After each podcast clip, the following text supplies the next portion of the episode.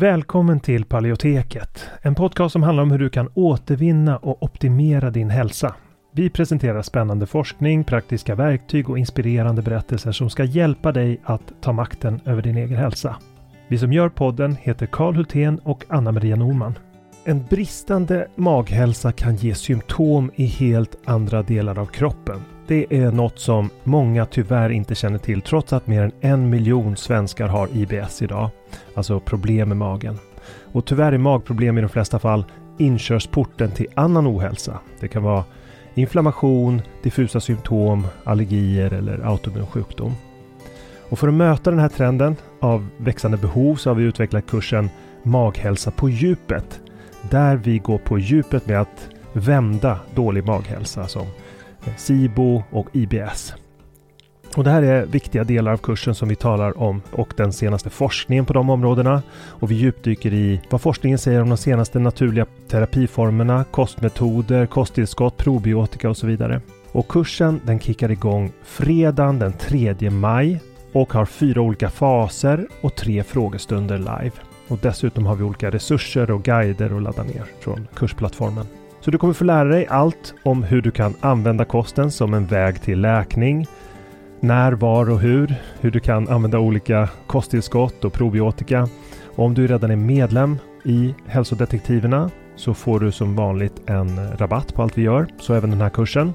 Och den här kursen tror vi är en perfekt väg för dig mot en bättre maghälsa där du inte bara får lära dig ett metodiskt tillvägagångssätt för att minska dina symptom utan också förstå de underliggande orsakerna.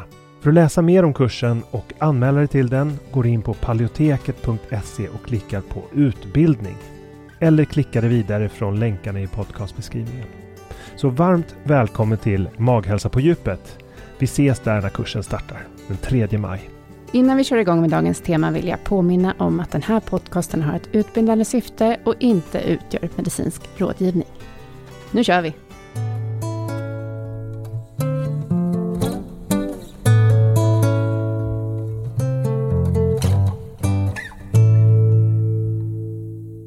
När det var som värst så var det liksom att jag bara inte kunde röra mig liksom, på grund av smärtan. Mm. Och hur mår du idag då? Sjukt bra. Alltså, jag har inte haft några symptom på min sjukdom på två, tre år i alla fall. Alltså, mm. Väldigt länge har jag inte känt av Medicinerar du någonting? Inte alls, ingen medicin. Mm. Jag slutade med medicin helt för fem år sedan. I det här avsnittet intervjuar Anna-Maria Adams som är dansare och har ankoliserande spondylit. Han har sökt sig fram till en individanpassad kost och upptäckt att han bland annat varit väldigt känslig mot stärkelse, men att han idag kan äta väldigt brett. Det här avsnittet har vi spelat in under det senaste året och det är en del av vår onlinekurs som heter AIP Masterclass. Nu börjar intervjun med Adam Said. Hej Adam Said Taher, välkommen till Paleoteket. Ja, tack så mycket. Ja, vad roligt att du är här. Ja, fint att få vara ehm, med. idag ska vi prata om din hälsoresa. Men mm. först vill jag berätta lite om hur vi kom i, i kontakt. För när jag och Karl arbetade med Autoimmun handbok så bjöd vi 2018, alltså år 2018 in ungefär 50 personer som läste manuset till boken och du var en av dem. Och det var ju helt fantastiskt för oss, för ni gjorde ju ett otroligt arbete. För vad ni fick var alltså ett word, en Word-fil med ganska, flera hundra sidor manus, som jag antar var ganska tråkigt att läsa i och med att det bara var sida upp och sida ner med text. Alls. Sen blev det här en bok och då är det mycket roligare att läsa det för det är layoutat och sådär, men det här var ju bara massa text. Um, och all input som du och alla de andra hade var ju helt uh, ovärderlig, för vi arbetade sen om det, så det tog mycket längre tid än vad vi hade tänkt oss, för att ni hade så mycket kommentarer. Mm. Uh, så jag vill bara börja med att säga tack för din input till boken. Ja, men tack för att ni delar boken. Det var så fint också för att läsa den liksom, innan den släpptes. Alltså, för ja. Då var jag också på min resa liksom, och det var så fett att få all den liksom, informationen redan då. Liksom. Precis, och ställa frågorna också, för ni kom ju mycket, men vad ja. menar ni med det här? Ja, exakt. Ja, verkligen. Det var mycket hjälpa sig själv samtidigt som att hjälpa er. Liksom. Ja, så ja, vad det roligt. Var, det, var det var det jag ville höra lite också, så hur ja. var det för dig att läsa det här? Ja, ja. Jag antar att du fick lägga ganska mycket tid också på det. Jo, men en del, men det var ändå mm. liksom tid som jag skulle lagt på att läsa annat tror jag bara för att mm. liksom, fatta. Så att, det var mm. fint att det bara var så här, ja, men det här är en text som är organiserad redan som jag kan liksom lära mig från. Det, ja. det var fint. Ja, men jätteroligt. Mm. Men sen delade du dig av din berättelse lite grann. Vi har några citat eh, och bild på dig i boken. Eh, så nu ska det bli jättekul att få höra lite mer och lära känna dig bättre såklart. Och sen har det ju gått två år också, så jag tänker att där Precis. du var då är inte längre vad du är nu. Nej, Och det är ju också intressant att höra liksom, hur den här hälsoresan fortsätter och hur det kan Mm. förändras. mm. Så det tänker jag att vi kommer in på idag. Så om du kan börja med att berätta lite om dig själv och eh, din hälsoresa. Ja. Eh, ska jag ta det från början då? Liksom, när, Ta det från början. Ja, från början. Från början, början. Nej, men eh, jag, eh, jag blev liksom, började bli sjuk när jag började gymnasiet. Så det var ja, när jag var 16 år. Jag hade precis börjat på Kungliga Svenska Balettskolan. Hade gått ett halvår tror jag. Eh, och så började jag få jätteont i liksom min sakroiliakled som är liksom mellan ryggraden och höftbenet. Eh, men så hade jag en grym naprapat där på skolan som sa, men vet du vad, jag tror att det här kan vara en autoimmun sjukdom. För att hon hade haft erfarenhet av en tidigare elev som hade haft liksom, den här sjukdomen. Eh, så jag blev skickad på röntgen direkt och fick faktiskt svar typ inom ett halvår på att jag hade ankyloserande spondylit, eller Bechdels som det också kallas. Eh, Så det var typ där det började liksom. och från det så började jag med liksom medicin och tog mycket sånt. För mitt mål var bara att jag vill kunna dansa. Jag vill inte brydde mig inte så mycket om, liksom. jag tror inte jag tänkte så långsiktigt, kanske man inte heller kanske gör när man är i gymnasiet nödvändigtvis. Det var liksom att jag bara, jag vill kunna dansa, jag vill kunna gå, jag vill inte ha ont. så det var typ där det började liksom. Ehm, men sen så sakta men säkert så började jag komma in på mer och mer liksom att ja, men jag kanske kan ändra på andra sätt som faktiskt funkar bättre. Liksom. Mm. Så typ så det började. Liksom. Ja. Mm. Eh, och du var 16 år då. Hur gammal är du idag? Idag är jag 25. 25. Mm. Mm. Det är nio Eh. år sedan. Ja. Och hur mådde du när du mådde som sämst då? Ja, alltså det, det, fann, det fanns liksom, för mig har det alltid funnits som två olika liksom, symptom. Det var ett som har varit så här konstanta, så här, molande smärtan liksom, som har varit olika hög, liksom så, men den är nog ganska så här, konstant då i alla fall. Um, men sen så fanns det också den här skarpa smärtan som var väldigt, liksom, ja, väldigt, ja, det är sjukt ont liksom. Och då, när det var som värst då kunde jag liksom inte gå. Då var det som att jag kunde inte komma ur sängen. Um, så jag minns några månader när jag gick på skolan där i Stockholm. Um, och liksom inte, ja, det var som att jag låg i sängen och bara inte kunde komma upp. Och jag bara, ja, får väl ligga här i två timmar tills jag kan röra mig liksom, igen. Mm. Och sen så var det så här, försöka lära sig att gå igen. Typ, liksom. Inte så lyckat Så- när man är dansare. Nej, inte så jättebra Mm. liksom. så, att, så var det nog när det var som värst. Liksom.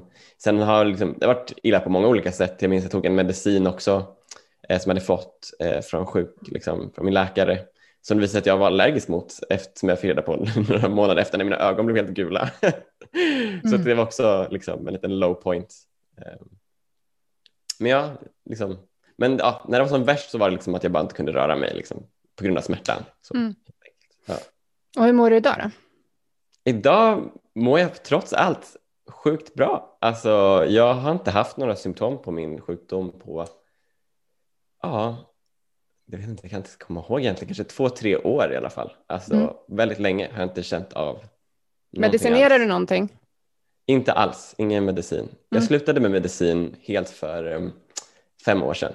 Um, då tog jag liksom, de första typ, ja, blir så här, tills fyra år sedan har jag inte tagit någon så här typ värktablett eller medicin alls, men de första åren där tog jag liksom värktabletter vid behov. Liksom. Mm. När det var som värst, jag behövde en föreställning. Typ så. Men, Mm. Men ja, senaste tre, fyra åren har jag inte tagit någon medicin överhuvudtaget. Liksom. Mm. Skönt. Mm. Ja, verkligen underbart. Men eh, eh, vilken hjälp fick du av sjukvården då? Du du... Ja, ja jag, fick, jag fick ju diagnosen. Det var ju liksom först och främst tänker jag, en väldigt viktig grej att, för mig att fatta vad det faktiskt var som var problemet. Liksom. Ehm, så det var den första hjälpen jag fick. Sen kom ju medicin. Jag liksom fick vad var det? Orudis retard tror jag den hette. Den första jag fick tillsammans med någon medicin för magen på grund av den första medicinen. Liksom.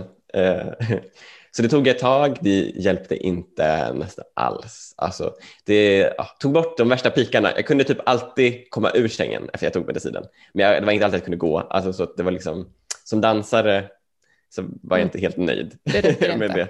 Nej. inte alls. Eh, och det var efter det som jag blev, eh, ja, efter att ha tagit det kanske ett år tror jag, och fick en läkartid igen och pratade om att det inte hade hjälpt. Då fick jag en ny medicin, då fick jag Salasopurin då som jag skulle ta upp till, skulle trappa upp till att ta fyra tabletter om dagen, minns jag. Um, och det var, ja, det var den tabletten som jag fick, vet du ja, min lever gav upp liksom typ. Det, jag fick jättehöga levervärden, jag fick tre gånger så höga som så här, är maxtaket för vad man borde ha som frisk. Liksom.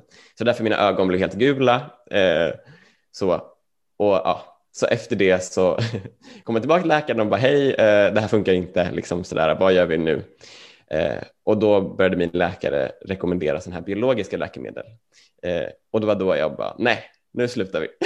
Mm. För det var det jag hade läst om väldigt mycket själv, om människor som hade börjat ta biologiska läkemedel och hur, ja, jag läste om att det var någon som hade dött av det och sen också att folk inte mådde så bra av det. Så då mm. kände jag bara, nej, men jag tror inte jag vill fortsätta på den här banan. Jag tror jag vill läka mig på annat sätt. Liksom. Mm. Ja, och du var rätt ung och insåg det. Ja, jag fick jättemycket hjälp också från min mamma. Eh, mm. för hela min mammas släkt, eller släkt i allmänhet, är väl liksom inne på att läka liksom, mm. alternativt. Så, att, så det är jag väldigt tacksam för. Mm. Ehm, men ja, jo, helt klart. Ja. Hon var också en engagerad del av utvecklingsgrupperna, boken. Ja, precis, Hela familjen precis. var där. Ja. Läste. Mm. Ja. Um, ja, men spännande att höra. Um, men kan du beskriva till hur du sökte dig fram till en kost som passar för dig? Då? Mm. Det, var, det var en riktigt lång resa. Um, liksom så. Um, ja, hur började det? Jag började första gången jag kom i kontakt med att oh, okay, kost kan förändra liksom, hur jag mår. Det var under de här åren jag tog också medicin. Um, jag minns att jag snackade, jag hade, nej, jag tror min mamma hade berättat för mig att, ja, att eller bara liksom, i alla fall att jag fick reda på att kost kunde hjälpa. Typ. Och då började jag tänka lite själv, okej, okay, men hur kan jag liksom så här, göra det? Så då tog jag upp det med läkaren och frågade ifall hon hade koll på något, liksom, kunde ge mig någon slags information kring det. Eh, och ja, hon kunde ju inte delge något sånt i, så här, i rollen av att vara läkare. Liksom. Så hon sa, liksom, ja, hon sa att hon hade patienter som hade eh, fått liksom, som det hade hjälpt när de avstod saker som de var liksom, allergiska mot. Så. Ehm, men sen så, det, det, är ganska absurt egentligen. Jag, jag, hon, det, hon sa det liksom, och då blev jag ganska så här, okej, okay, vadå, det kan inte hjälpa liksom, eller vadå? Men sen så gav hon mig ändå en lapp så här, men kom till den här, jag har en föreläsning på lördag den här tiden, kom ifall du är intresserad. Så läkaren det? Ja, läkaren sa det. och då var det ju, den här föreläsningen var ju inte i koppling till sjukhuset liksom, eller till hennes liksom, läkarroll. Mm. Och där snackade hon jättemycket om kost och hur det kunde påverka liksom, Vilken tur du hade bara, som hade hamnat hos henne då. Verkligen, verkligen, verkligen. Så jag bara, aha, okej, okay. men så det kan hjälpa. så det var grymt liksom. Eh, men så jag, min början av resan var liksom att jag gjorde ett test för så här, allergier eh, och fick reda på att jag var laktosintolerant. Så då slutade jag med laktos direkt. Det var det första så här, steget jag gjorde. Eh, sen så började jag själv testa på sån här, eh, jag vet inte vad det kallas helt. Alltså, jag tror det kallas antiinflammatorisk kost eller typ så här medelhavskost. Ehm, så började jag göra typ det som någon slags egen typ av medicin när jag hade som mest ont. Att jag började typ äta mycket avokado och så här gröna blad och liksom olivolja och lite nötter typ sånt. Vilket hjälpte lite liksom. Inte så mycket men lite. Så det var liksom den första stegen. Men när jag faktiskt började min resa det var när jag eh, efter jag slutade gymnasiet och åkte till Genève och började dansa där i ett danskompani. Eh, och jag blev bara så less på att inte medicinen funkade längre för då hade jag tagit värktabletter liksom, vid behov liksom, det senaste året. Då. För då hade jag slutat med medicinen redan. Eh, men sen så blev jag bara less på det och jag bara nej men okej nu ska jag faktiskt börja med det här på riktigt. Och då, det var då jag kom i kontakt med AIP liksom, och började på den, på den grejen. Eh, så det gjorde jag då eh, ganska strikt såklart så att man fuskade då och då, liksom. det gör man ju. Eh, men jag höll ganska bra i typ fyra månader Ehm, och det hjälpte, alltså, det hjälpte verkligen bra. Jag, så här, eh, jag blev av med det värsta av smärtan. Liksom. Ehm, jag tror jag mådde så här, generellt sett bättre än jag hade gjort någonsin förut liksom, med sjukdomen. Um, men det var fortfarande som att jag bara så här, okej okay, det här funkar inte helt. Liksom. Jag, är så här, jag, mår, jag mår helt okej, okay. jag kan alltid gå, jag kan alltid springa, men jag kan inte riktigt göra de sakerna som, jag, som krävs av mig som dansare. Liksom som så här kanske normal fungerande människa så hade det varit super liksom. Men som dansare var så här, men det är inte tipptopp liksom. Det är fortfarande så. Eh, och jag var väl lite också otålig för jag kände så här att nej men jag har inte tid att liksom bara göra den här processen så länge och inte så här. Så jag, bara, så jag började söka mig vidare, liksom, försöka hitta andra sätt att läka. Eh, och då kom jag i kontakt med en läkare som heter, eller jag kom inte i kontakt men jag kom i kontakt med hans eh, forskning, en läkare som heter Alan Erbringer Eh, från eh, England eh, som hade gjort just forskning på eh, människor med ankyloserande spondylit, min sjukdom. Eh, och då hade han forskat på en kosthållning som han kallade no starch diet som helt enkelt är att inte äta stärkelse. Liksom. För att man såg stärkelse, som, eh, eller, stärkelse i maten för mycket tarmbakterier och då specifikt för en tarmbakterie som då påverkade min sjukdom väldigt negativt. Eh, så då började jag mixa eh, den kosten med AIP och det var inte egentligen så jättestor skillnad från vad jag faktiskt åt. Enda skillnaden var typ att jag inte åt sötpotatis och kokbanan och kassava, eh, vanliga bananer, sådana grejer längre. Liksom. Mm. Det tog bort saker med stärkelse och det var inte så mycket liksom, egentligen. Så att det blev liksom att jag åt mer sallader typ, istället liksom, med AIP. Och det gjorde extremt stor skillnad. Helt plötsligt blev det mycket, mycket bättre. Liksom så. Eh, vilket var jättefett och jag bara shit, okej, okay, men då kanske det här spåret jag behöver gå på. Liksom. Eh, och i samband med det så testade jag också lite mer eh, av Terry Wahls grejer. Eh, att jag, liksom, I förhållande till just grönsaker, hur man såg på liksom, att kategorisera och få i sig alla vitaminer och mineraler. Ehm, kan du, kan, det, du, ja. kan du sammanfatta lite vad hon säger då, Terry Walls? Ja, hon har ju MS, så hon bra. fokuserar på det, mm. men det är ju väldigt likt AIP. Ja. Men, kan du beskriva lite mer vad skillnaden, eh, vad det blir ja. då? Precis, det är precis. För jag vet inte om jag kan kanske prata om just exakt vad hon gör, men det Nej, jag eh, tog av det var mm. att liksom tänka kring grönsaker och frukter och mat generellt som, alltså i färger och se till att jag faktiskt äter alla, alla färger som jag kan få i mig. Liksom. Så att det blev lite medveten om, okej, okay, jag kanske inte bara ska äta grönkål och typ spenat och allt som är grönt. jag kanske också ska äta kanske rödkål och typ apelsiner och liksom typ hallon eller liksom mm. försöka bredda det så, så gott jag kunde. Eh, och så tänka kring typ så här, vilket så här som är, vad heter det? Eh, jag minns inte vad det heter nu, men ja, skitsamma. Det är i alla fall att försöka bredda eh, mängden olika grönsaker och frukter som eh, ja, jag kunde få i mig helt enkelt. Och det hjälpte jättemycket. Jag bara kände mig så här nyttigare, eller så här, jag kände mig bättre, men jag mådde bättre i allmänhet. Liksom. Också skilt från eh, sjukdomen så bara mådde jag bättre, jag hade mer energi och så. Så det var, det var grymt, liksom, eh, den förändringen. Men ja, det, och det hjälpte jättemycket. Jag kunde liksom dansa hela tiden och så. Jag, alltså, allt gick liksom helt OK. Men det var ändå som att det inte var helt borta. Det var ändå som att det fanns en liten fortfarande naggande liten smärta som jag bara, det här, jag är inte nöjd. Liksom. så kände jag. Jag kände att så här, ja, men det, det är bra, men jag är inte helt, helt eh, nöjd. Eh, och det var också som att jag kunde liksom inte, jag kunde inte pusha min kropp på det sättet som jag ville göra. Liksom, heller.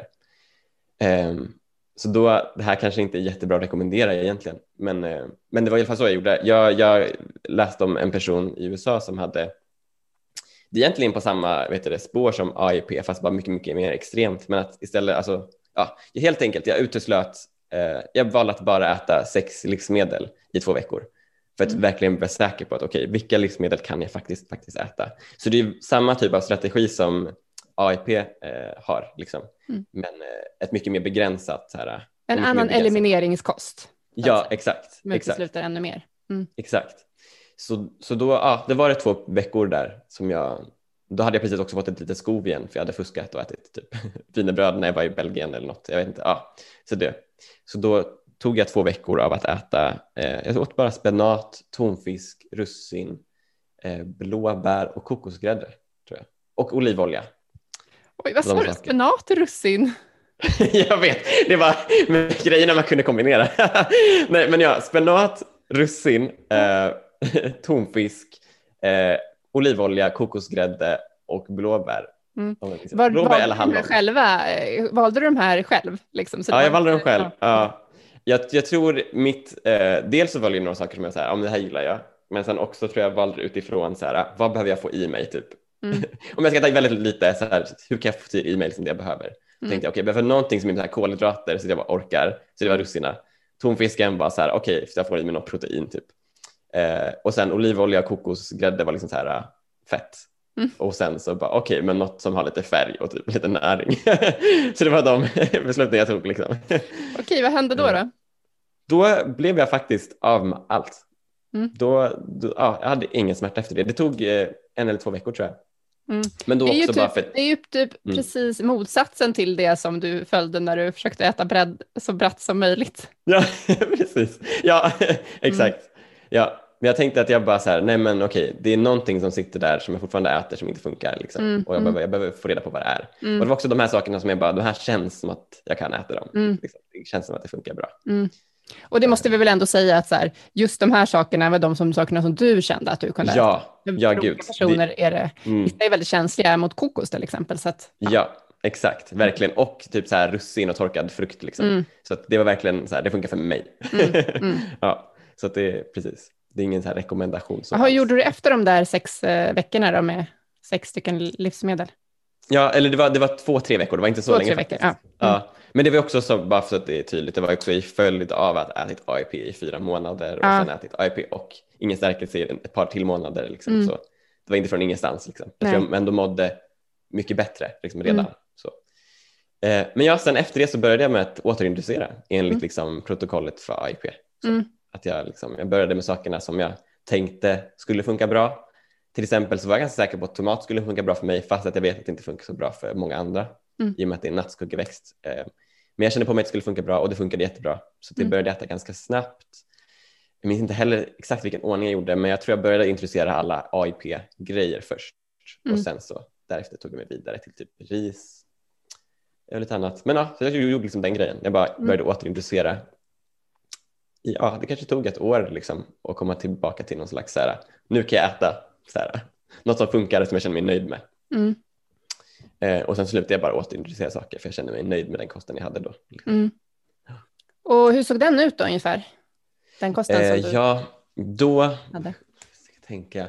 Alltså, jag minns inte exakt exakt vilka livsmedel jag åt då, men jag minns att jag åt mycket sallader. Liksom, ja, jag är fortfarande ganska hooked på mina spenatsallader med russin och tonfisk och typ tomat och lite frukt i typ och så. Eh, åt mycket typ kål och lax, mycket fisk, Så, alltså mycket fisk, grönsaker, frukt. Så eh, tomat eh, var nog enda nattskuggeväxten jag kunde äta tror jag. Mm. Mm. Jag höll mig fortfarande undan stärkelse en del. Mm. Eh, Men hur, hur, hur kände du av då om det var någonting som du inte borde äta? Ja, alltså det är precis. Det är, med min sjukdom så har jag upplevt att det har tagit, det är, inte som, det är inte alltid som att det är direkt så.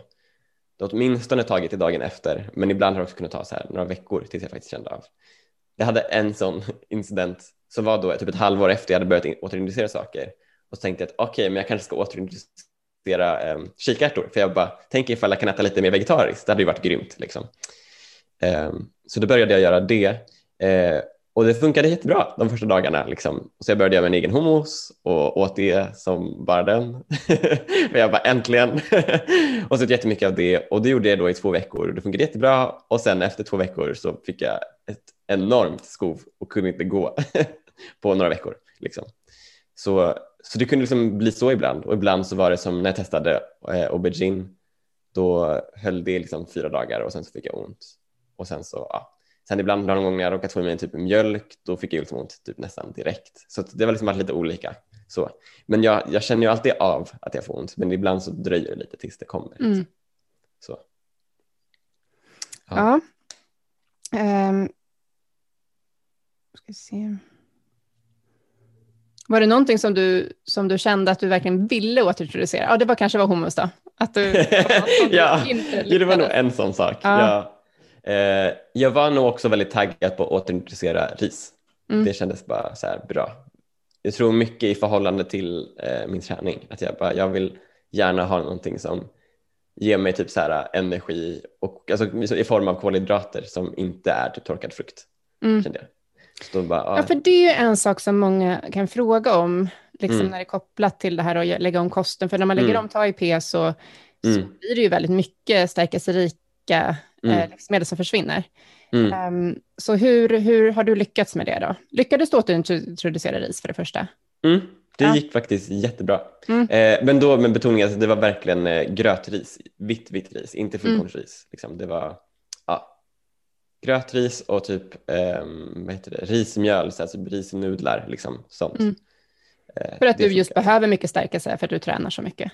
Ja, exakt, Mm. exakt. Och jag tror också, så har jag förstått det, så är just stärkelsen i ris, eller just grötris, annan typ av stärkelse än Mm. stärk- annan, ja, det finns, det finns typ två olika typer av stärkelse. Du vet det här mycket bättre. Men ja, det var det så jag förstod det i alla fall. Jag tänker Eh, också att det kan handla om inte bara stärkelsen utan att det är Mm. alltså skalet runt i råris är ju skalet Mm. kvar. Och där Mm. sitter ju antinutrienterna så det kan ju vara andra Ja. saker kanske än stärkelsen. Just det, Ehm, ja, absolut, helt klart. Mm. Ja. Men så, att, ja, så det var väl nog en sak som jag bara, det här vill jag verkligen få tillbaka och det gick jättebra faktiskt Mm. då. Efter att jag hade återintroducerat eh, Mm. alltså, det mesta på liksom AIP-protokollet. typ. Ja, vad var för andra grejer jag kanske blev taggad på? Jag tror jag jättegärna vill äta, för när jag började på AIP så åt jag jättemycket kokt banan och eh, sötpotatis och tyckte Mm. det var jättegott. Eh, men det kunde jag nog inte börja äta. Det tog ganska lång tid tills jag kunde äta det. Mm. faktiskt. Hur äter du det idag då? Ja, idag. Eh, ja, nu är det liksom ja, två, tre år, tre år sedan, sedan den här resan. Liksom, sen då. Eh, och ja, alltså jag kan typ äta faktiskt det mesta. Det är ganska, det är som att jag bara så här, är det här någon slags typ liten haj? Att jag bara, men det har ändå gått tre år. Jag tänker att det, det, det, är ganska, det har gått ett tag. Så jag kan faktiskt äta i princip allt förutom eh, laktos i liksom så här flytande mjölkprodukter. Mm. För jag kan typ äta ost, jag kan äta smör, eh, ja, jag kan äta vanlig pizza. Alltså så. Gluten? Liksom. Gluten och Mm. laktos i osten. Liksom. Mm. så det är ganska otroligt. Jag blir förvånad av mig själv varje gång det faktiskt har funkat. Jag bara, shit, det funkar. Okej. Mm. Sen är det inte så jag äter liksom ändå dag till dag, men det, men det går. Liksom. Hur tänker du kring det då? Hur, hur, brukar, hur, hur ser din kost ut? Du kan äta mycket då. Mm. Hur ser din Mm. kost ut? Hur väljer du att hålla den? Liksom? Ja, alltså i och med att det fortfarande, jag tänker att det finns ju ändå, det finns ju olika nivåer av information. Eh, det finns också en låggradig information, så heter det, ja, men liksom, som jag kanske inte nödvändigtvis helt känner av. Ehm, och i och med att min sjukdom, också- alltså det är ju en kronisk sjukdom, den kommer hålla hela livet och att den påverkar min kropp hela livet. Så då, att försöka minimera sån information också känns väldigt viktigt. Eh, så därför försöker jag fortfarande hålla en, liksom, ja, en kost som ändå är eh, försöka hålla informationen nere. Så för mig ser det ut så att jag äter fortfarande jättemycket grönsaker och frukt och fisk. Det är väl typ där som ja, det är de det jag äter mest. Men jag äter ändå ris och risnudlar fortfarande. Så, här, så det är en stor del av det. Jag kan äta typ soja, sojaprodukter. Liksom så. Ehm, så det har fortfarande en stor del av min kost. typ. Och jag kan äta kokbanan och sötpotatis. Så. Jag äter inte så mycket sötpotatis, men jag äter mycket kokbanan. Ehm, men så, ja, så det är väl en typ, ja men kanske mer av en, närmare en typ så paleo, mer än en AIP liksom, kost, Mm. mer typ närmare en paleokost. Men kanske några liksom, avvikelser som jag kan äta Mm. också. Så. Precis, sådana saker du äter ibland, till exempel. Ja, exakt. Ja, Ja, utan ja, exakt. Ja, ja. precis. Ja. ehm, men har du, har, du liksom, har du träffat andra personer som också har gjort någon liknande resa under den här tiden? Eh, ja, alltså dels min mamma har Mm. gjort en sån resa. Liksom. Hon, eh, ja, hon, eh, hon började långt innan mig och håller fortfarande på. Liksom, och så. Mm. så dels hon, ehm, ja, jag har också varit i kontakt med, när jag jobbade i Nya Zeeland för, när var det, Eh, ett och ett halvt år sedan. ehm, så kom jag i kontakt med en person som inte minns vilken sjukdom hon hade, men också en autoimmun sjukdom. Ehm, och hon hade läkt den via, inte så mycket kost, alltså dels kost, men också via liksom olika typer av alternativ läkning som i form av så livsstilsgrejer och eh, annan typ av liksom healing. Mm. Eh, så det var jätteballt att snacka med henne mycket om det. Och vi faktiskt, hon skrev till mig för bara ett halvår sedan nu, för att hon hade en kompis till henne i Australien, för hon bor i Australien, som hade just blivit diagnostiserad med min sjukdom. Så nu har vi pratat med henne och försökt hjälpa henne att Ah. liksom, komma på banan med det också. Så Ah. Vi, Ja. alltså du och din kompis har? Ja, precis. Jag och min kompis. Ja. Mm. Så att jag precis försökt hjälpa henne lite med kost och min kompis har hjälpt henne med liksom andra typer av grejer som Mm. hon kan mer. Liksom. Ja, men jättebra. Man Ja. fortsätter inspirera vidare. Ja. Mm. ja, men jag tänker också, jag, bara, jag minns hur viktigt det var att få höra människor som hade lyckats. Liksom. Jag minns också att jag kunde tappa hoppet eh, Mm. när jag var liksom, på min resa. Att det var svårt ändå att hålla, hålla hoppet uppe ibland. Mm. Liksom. Ja. Så då var det så fett att få veta att ah, men det går faktiskt. Mm. Men när vi kommer in på det här med livsstilsfaktorer, då, har du några Mm. livsstilsfaktorer förutom kosten som har varit viktiga för din läkning, Mm. tror du? Mm, jo, helt klart. Eh, helt klart. Eh, jag tror att det är, så många bitar typ, men jag minns att när jag började gå hos läkaren, eh, verkligen när jag fick min diagnos, så var det, fick jag höra så här, att träning är bra, eh, rörelse, man ska röra på sig och sånt. Och då var jag så här, ja men check, det, det gör jag. Liksom. Men jag tror det jag inte fattade var också att vilken typ av träning är också ganska viktig att tänka på. Liksom. Just i förhållande till min sjukdom då. Eh, för att mycket av den träningen jag gjorde kanske var ganska så aggressiv liksom, fysiskt eller liksom påfrestande på ett sätt som inte nödvändigtvis kanske var eh, bra liksom, för, för mig. Eh, för jag, fick, alltså, jag började liksom förstå liksom att inte bara liksom inflammation via kost, inflammation via typ sjukdom, men också inflammation via typ överträning, också negativt för mig. Liksom. Så att se till att jag inte tränar så hårt så att jag faktiskt typ får extrem träningsverk, för det kunde också skapa skov för mig. Liksom. Så typ sån medvetenhet kring så hur jag tränar, det var väldigt key liksom, i, i min läkning. Att förstå att okay, jag måste vara ganska mjuk med min kropp. Jag måste förstå och liksom inte pusha mig själv för hårt. Um, det, var, ja, det var väldigt viktigt. Men också i förhållande till tror jag hur jag eh, mötte, så här, mötte min smärta. För jag tror att i början, som jag tänker att kanske är ganska vanligt, att jag, jag, jag var ju arg på min sjukdom. Jag var arg på, på liksom att så här, jag hade ont, jag vill bara att det ska vara bort, jag vill inte bry mig om det här, jag vill bara göra, leva mitt liv, jag vill inte, det här ska inte vara en del av det. Liksom. Eh, och i och med den approachen så tror jag att jag också liksom pushade mig själv på sätt som inte nödvändigtvis var bra. Att jag säger, nej men jag kan hoppa, trots att jag är skitont, men jag ska hoppa, jag, ska klara, jag, ska, jag kan hoppa, jag kan springa, jag kan ge mig ut liksom och springa. Eh, och det var definitivt inget bra, eh, vilket jag lärde mig mycket senare, liksom, när jag kanske också mognade lite eh, och förstod att nej men okej, okay, har jag ont då får jag hitta andra sätt att här, skapa rörelse och så på. Liksom. Eh, så det var då jag kom i kontakt med, med typ att okej, okay, har jag jätteont, nej men då ska jag inte ut och springa, jag ska inte tvinga mig själv till att röra mig, jag ska istället typ ta en lång varm dusch det, är så här, det hjälper mycket, mycket mer. Liksom. Um, och också ifall jag tränar, se till att jag lyssnar på min kropp. Liksom. Um, så. Um, jag typ också blev bättre på att be om massage från kompisar. liksom. Ifall jag hade ont, det hjälpte också jättemycket. Um, så. så det var liksom sådana mer så här kropps, liksom, baserade liksom andra livsstilsgrejer så tänka, sen så är det också typ många sådana här, det har kanske också på något sätt med kost att göra, men jag tror jag började lära mig mer om saker jag kunde göra när jag hade ont som kunde så här, lindra min smärta. Liksom.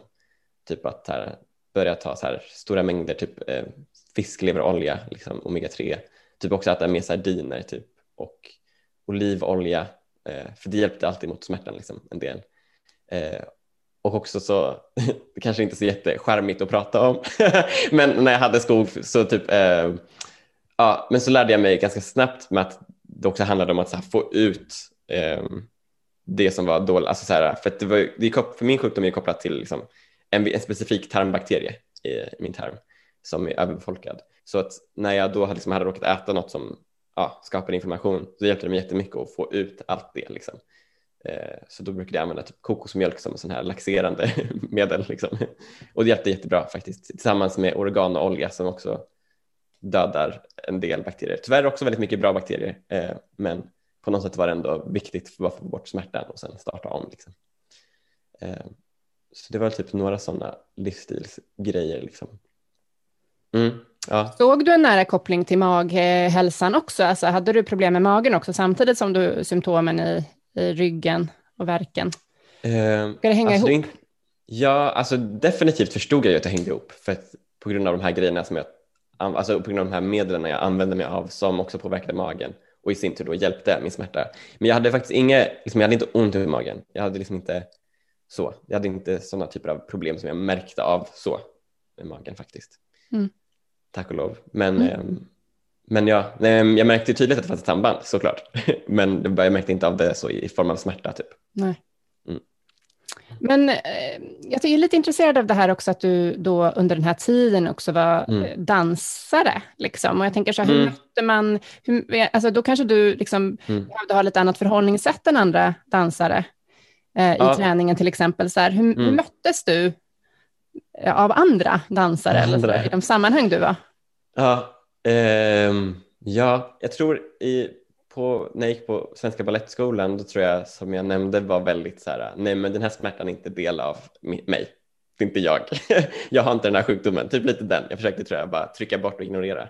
Så i form av det så pushade jag mig själv ändå, vilket var väldigt dumt och dåligt. Eh, men i och med det så tror jag inte jag heller gav någon annan någon chans att stötta mig i liksom, min smärta. Men jag åkte till Genève och jobbade där i, i tre år, då, ja, när jag lärde mig att okay, jag måste ta hand om mig själv för att faktiskt må bättre, liksom, eventuellt, då fick jag faktiskt väldigt bra stöttning, eh, vilket jag typ inte alls förväntade mig av någon anledning. Men jag fick jättebra stöttning av både liksom, den konstnärliga ledaren där eh, och eh, ja, mina kompisar. Liksom. För vi åkte på mycket turnéer och ja, turnéer som dansare innebär ju också ofta att man bor på ett ställe liksom, och så får man mat. Antingen så är det någon som gör mat till en, man kanske så här, eller äter man på restaurang eller så får man typ pengar för att köpa och laga mat. Liksom. Men ofta är det också att man liksom, ja, får mat från teatern. Liksom, de köper mat till alla. Liksom.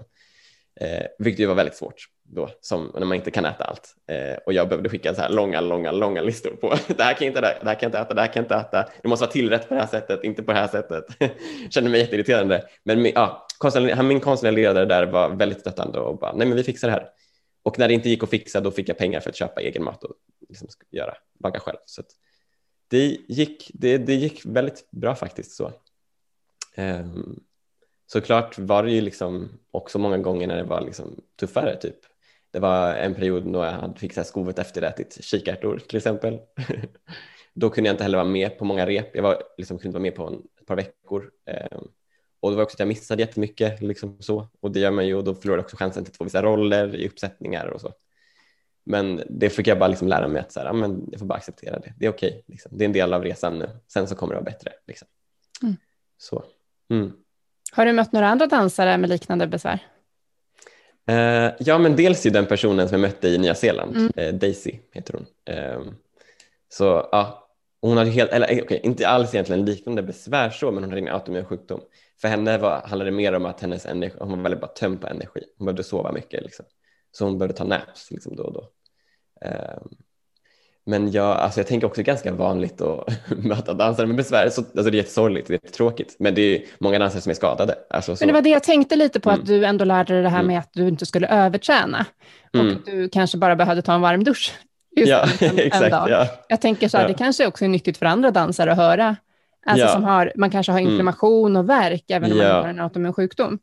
Helt klart, ja. Jo men verkligen, jag tror jag samtalar jättemycket med mina kompisar om sånt och försökt mm. ge tips på det.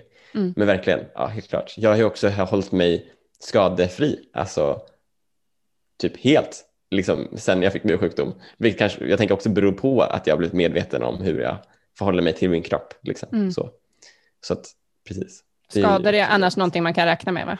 Som. Ja, ganska mycket. Ja. Ja. Sen går man i pension vid 40. Ja, exakt. Ja, den dansarpensionen har faktiskt försvunnit. Det är så tråkigt. Det fanns förut en dansarpension, men Aha. nu finns inte det. Man får ja. skola om sig.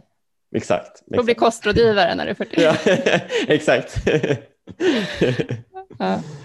Um, men har du några, några konkreta tips då för folk, till folk som vill lägga om kosten och testa AIP, mm. paleo eller liknande kostupplägg? Mm. Alltså jag tänker att det viktigaste, ehm, eller det som varit viktigast för mig är att vara väldigt strukturerad i sin kostomläggning.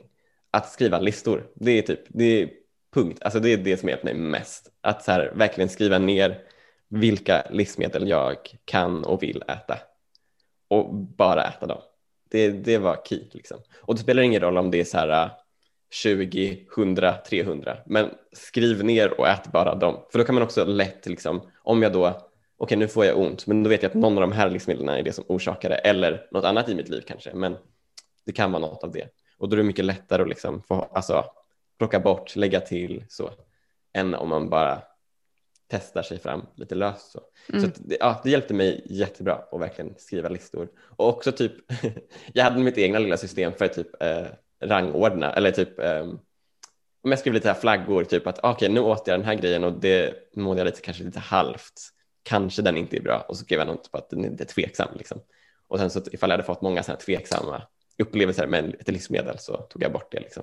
så, mm. och lade till den på en annan lista som var så här, det här kan jag inte äta. Liksom. Så det är också minst det, så inte de helt försvinner ur mitt liksom, mm. Okej, okay. hur systematiserade du listorna? Var det på papp med papper och penna eller dator? Eller? Mobil. Mobilen? okay. min, uh, anteckningar liksom, skriva mm. mina grejer.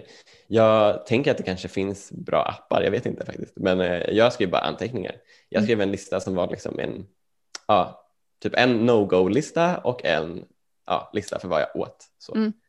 Och då typ sorterade in det liksom, okej, okay, de här grönsakerna, de här frukterna, de här typ så här kött, liksom, alltså så här fågel, fisk, de här grejerna, liksom, eh, de här typerna av oljor, de här typerna av kryddor, eh, de här typ, vet det, kosttillskotten, de här vitamin, alltså så. Så det är verkligen allt man stoppar in i sin mun. Liksom. Mm. Typ de här alltså, drickorna, typ vatten kan jag dricka. Liksom. Jag skriver det också, alltså, så att allt där, så att inte något försvinner. Liksom. Mm. För jag tänker i början var det också ganska ja, det, är, det är ju en lång resa. Liksom, det är också att inse att mycket av det man köper inte heller eh, alltid är så rent. Liksom.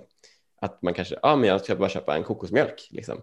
Vilket är nog bland det svåraste att hitta, en kokosmjölk som inte innehåller massa gummin och massa typ, ja, till, alltså tillsatser. Gud, ja. så det är väl också något man måste tänka på, att okej, okay, men då skriver jag ner alla de här gummina och de här liksom, liksom tillsatserna som jag också får i mig, så att de också finns på den här listan, så att jag vet att det här hamnar i min kropp just nu. Så att ifall jag får problem så vet jag att kanske är de. Liksom. Mm. så att eh, väldigt medveten om allt det man stoppar i sig. Liksom. Eh, så det var typ så jag sorterade liksom det i en som funkade och en som inte funkade. Och sen så typ, ja, använde jag som små typ så emojis, typ bara för att säga okej okay, den här funkar, det var en glad emoji och den här funkar inte, det var en liten pistol typ. det var lite tveksam, så här, ja, det var lite olika sådana. Ja, men jag tänker man har, kan ha sitt eget system, jag vet inte hur man vill göra. Ja men verkligen. Nej, men alltså, ja. Jag tänker så här, en, en, en, fråga som vi ofta får så här, det är så här, men jag behöver tips på hur man kan hålla i det här på lång sikt. Hur man kan känna sig mm. motiverad, hur man kan fortsätta känna sig mm. motiverad. Mm. Um, vad skulle du säga har varit dina tekniker för det? Alltså lite känner jag, jag känner in lite humor och lite, alltså det är ju nyfikenhet och humor i det. yeah, yeah. Men, men har du några andra så här hjälp, mental, mentala strategier? Ja för att hålla sig på banan liksom. Mm. Uh, ja, gud. Ja, alltså, ja, men det är, jag tänker att det är oförvit, oundvikligt att man liksom tappar hoppet ibland. Det gjorde jag med. Så. Så, och det händer liksom, och då kanske man råkar fuska och så. Det, det, tänker jag, det är en del av det. Så jag tänker man ska inte heller ge upp hoppet av att man råkar göra det. Liksom. Det är viktigt, det är, så här, det är normalt, det är en del av resan. Um, men jag, alltså jag tror jag bara försökte läsa mer och typ, jag gick med i många forum. Det finns ju massa forum på Facebook. Typ jag hittade massa grupper för folk med ankyloserande spondylit som just tänkte på att lägga om kost. Liksom. Eh, så det fick jättemycket stöd där, att bara prata, ta upp saker, bara shit nu mår jag dåligt, jag vet inte vad som har hänt, jag vet inte vad jag åt, jag vet inte vad som så skedde och kunna få stöd så. Liksom. Det hjälpte mig så mycket. Och också ibland inte ens bara skriva men bara läsa andra personers berättelser och ja, det, mm, det hjälpte mig mycket. Dels forum på Facebook, grupper som jag har varit och är med i och sen också så fanns det just på den här, den här doktorn som jag nämnde i början, Allen Erbringer, han har en hemsida Eh, om just den här No Starch Diet och där fanns det också ett forum. Så då var jag också inne där väldigt mycket och läste när jag inte kände så mycket hopp och jag bara, är det någon som mår bra? kan man må bra? och det kan man ju liksom. Så, eh, jag tror att också det var en gång jag tappade hoppet när jag, det var nog där innan jag började lägga om till att sluta äta stärkelse och jag kände att nu mår jag typ bra, men jag kan inte helt dansa och så började jag liksom få tankar om att ah, men man kanske aldrig kan må bra. Man kanske bara kan må helt OK och det kanske det alla tänker är bra. Bara för att jag är dansare så jag kommer jag aldrig kunna dansa. Alltså det är sådana tankar. Men jag tror det är bara viktigt att förstå att det inte stämmer. Det, mm. Man kan verkligen bli bra. Liksom. Mm. Försöka påminna sig själv om det. Eh, och det är en olika lång resa för olika personer. Så är det med olika sjukdomar. Det tar liksom olika lång tid. Eh, men att bara liksom, jag vet inte, jag vet inte vad jag kan ge för mer konkreta tips än så för liksom, bara prata och lyssna på vad andra sagt och typ ja, vet om att det, liksom, det går. Det mm. går. Mm. Ja, jättebra. ja. Är det något mer som du skulle vilja säga? Um, ja, jag tänkte på en annan sak som um, kändes väldigt så här, viktig som jag, i förhållande till typ så här, känslor och uh, ja, så i förhållande till sjukdom. För att eh, ofta, alltså, ja, eller egentligen alltid, alltså varje gång jag fått ett skov så var jag alltid det kopplat till hur jag också mådde och att jag alltid fick någon slags typ, kanske lätt depression liksom, varje gång jag fick ett skov. Och då hade jag alltid tidigare tänkt på att okej, okay, men nu är jag deprimerad eller ledsen för att jag har ont. Liksom. Att det var alltid den som var, okej, okay, men jag, jag, jag är ledsen för att jag inte kan dansa, jag är ledsen för att jag har smärta. Men jag tror också det var viktigt för mig att förstå längre fram också när jag började läsa mer om hur liksom tarmen och hjärnan också på något sätt här hänger ihop och började faktiskt förstå att jag, alltså depressionen kommer inte från att jag är ledsen över att jag inte kan dansa. Det är på grund av informationen i min kropp och kunde också här, sätta det i perspektiv. Det var väldigt viktigt för mig.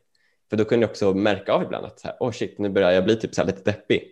Och då märkte jag, okej, okay, men två, tre dagar efter det kommer jag få ont. För då var inflammationen igång i min kropp. Liksom.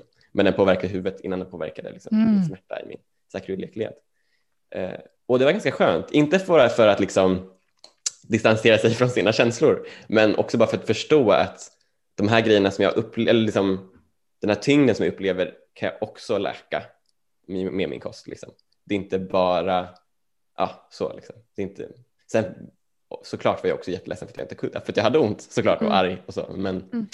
men att också själva liksom den, den depressionen kan också komma från liksom, eh, informationen. Ja, men det kanske också handlar om att lära sig vad man behöver göra då, när man börjar ja. känna sig nedstämd. Ja, alltså precis. Det kanske är så mm. att det kan ha en växelverkan åt andra hållet, att man gör ja. Saker mm. som, som stimulerar hjärnan på ett positivt sätt. Exakt, exakt, ja. Och så kan det så att man lär sig vad man mår bra av och så. Ja, precis, precis. Mm. Ja, för gud, alltså det, du har som jag varit, varit som mest um, känslig, eller inte, alltså haft lättast att få ett skov typ, eller få ont, få information har alltid varit i samband med föreställningar på grund av nervositet mm. liksom, tänker jag, och stress.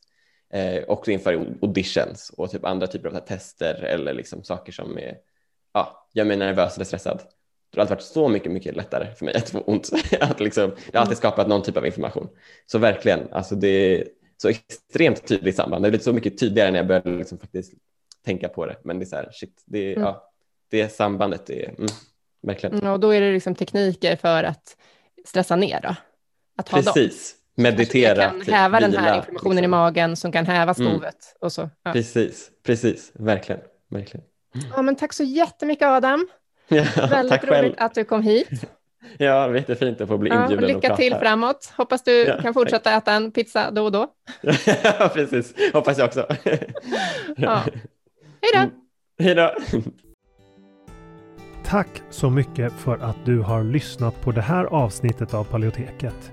Vi hoppas att det har varit till nytta för dig. Om du vill få hjälp att uppnå dina hälsomål står vi redo att hjälpa dig. Vårt medlemskap Hälsodetektiverna är en gemenskap online där du träffar likasinnade, får hälsoinspiration hela året och kan ställa frågor direkt till oss på våra medlemsseminarier. Nu under våren startar också två onlinekurser. AIP Masterclass är kursen för dig som vill lära dig allt du behöver veta om kostupplägget AIP, autoimmunprotokoll, samtidigt som du blir guidad genom en stegvis process med både läkningsfas, utvärdering och återintroduktioner. Sen har vi kursen Maghälsa på djupet som riktar sig till dig med IBS och misstänkt eller konstaterad SIBO. Vi fokuserar helt på vad du kan göra med kost, livsstil och strategiskt utvalda kosttillskott. För dig som föredrar att läsa finns också våra fyra böcker. Besök paleoteket.se för att veta mer och glöm inte att prenumerera på vårt nyhetsbrev. Du hittar länkar i beskrivningen till podcastavsnittet.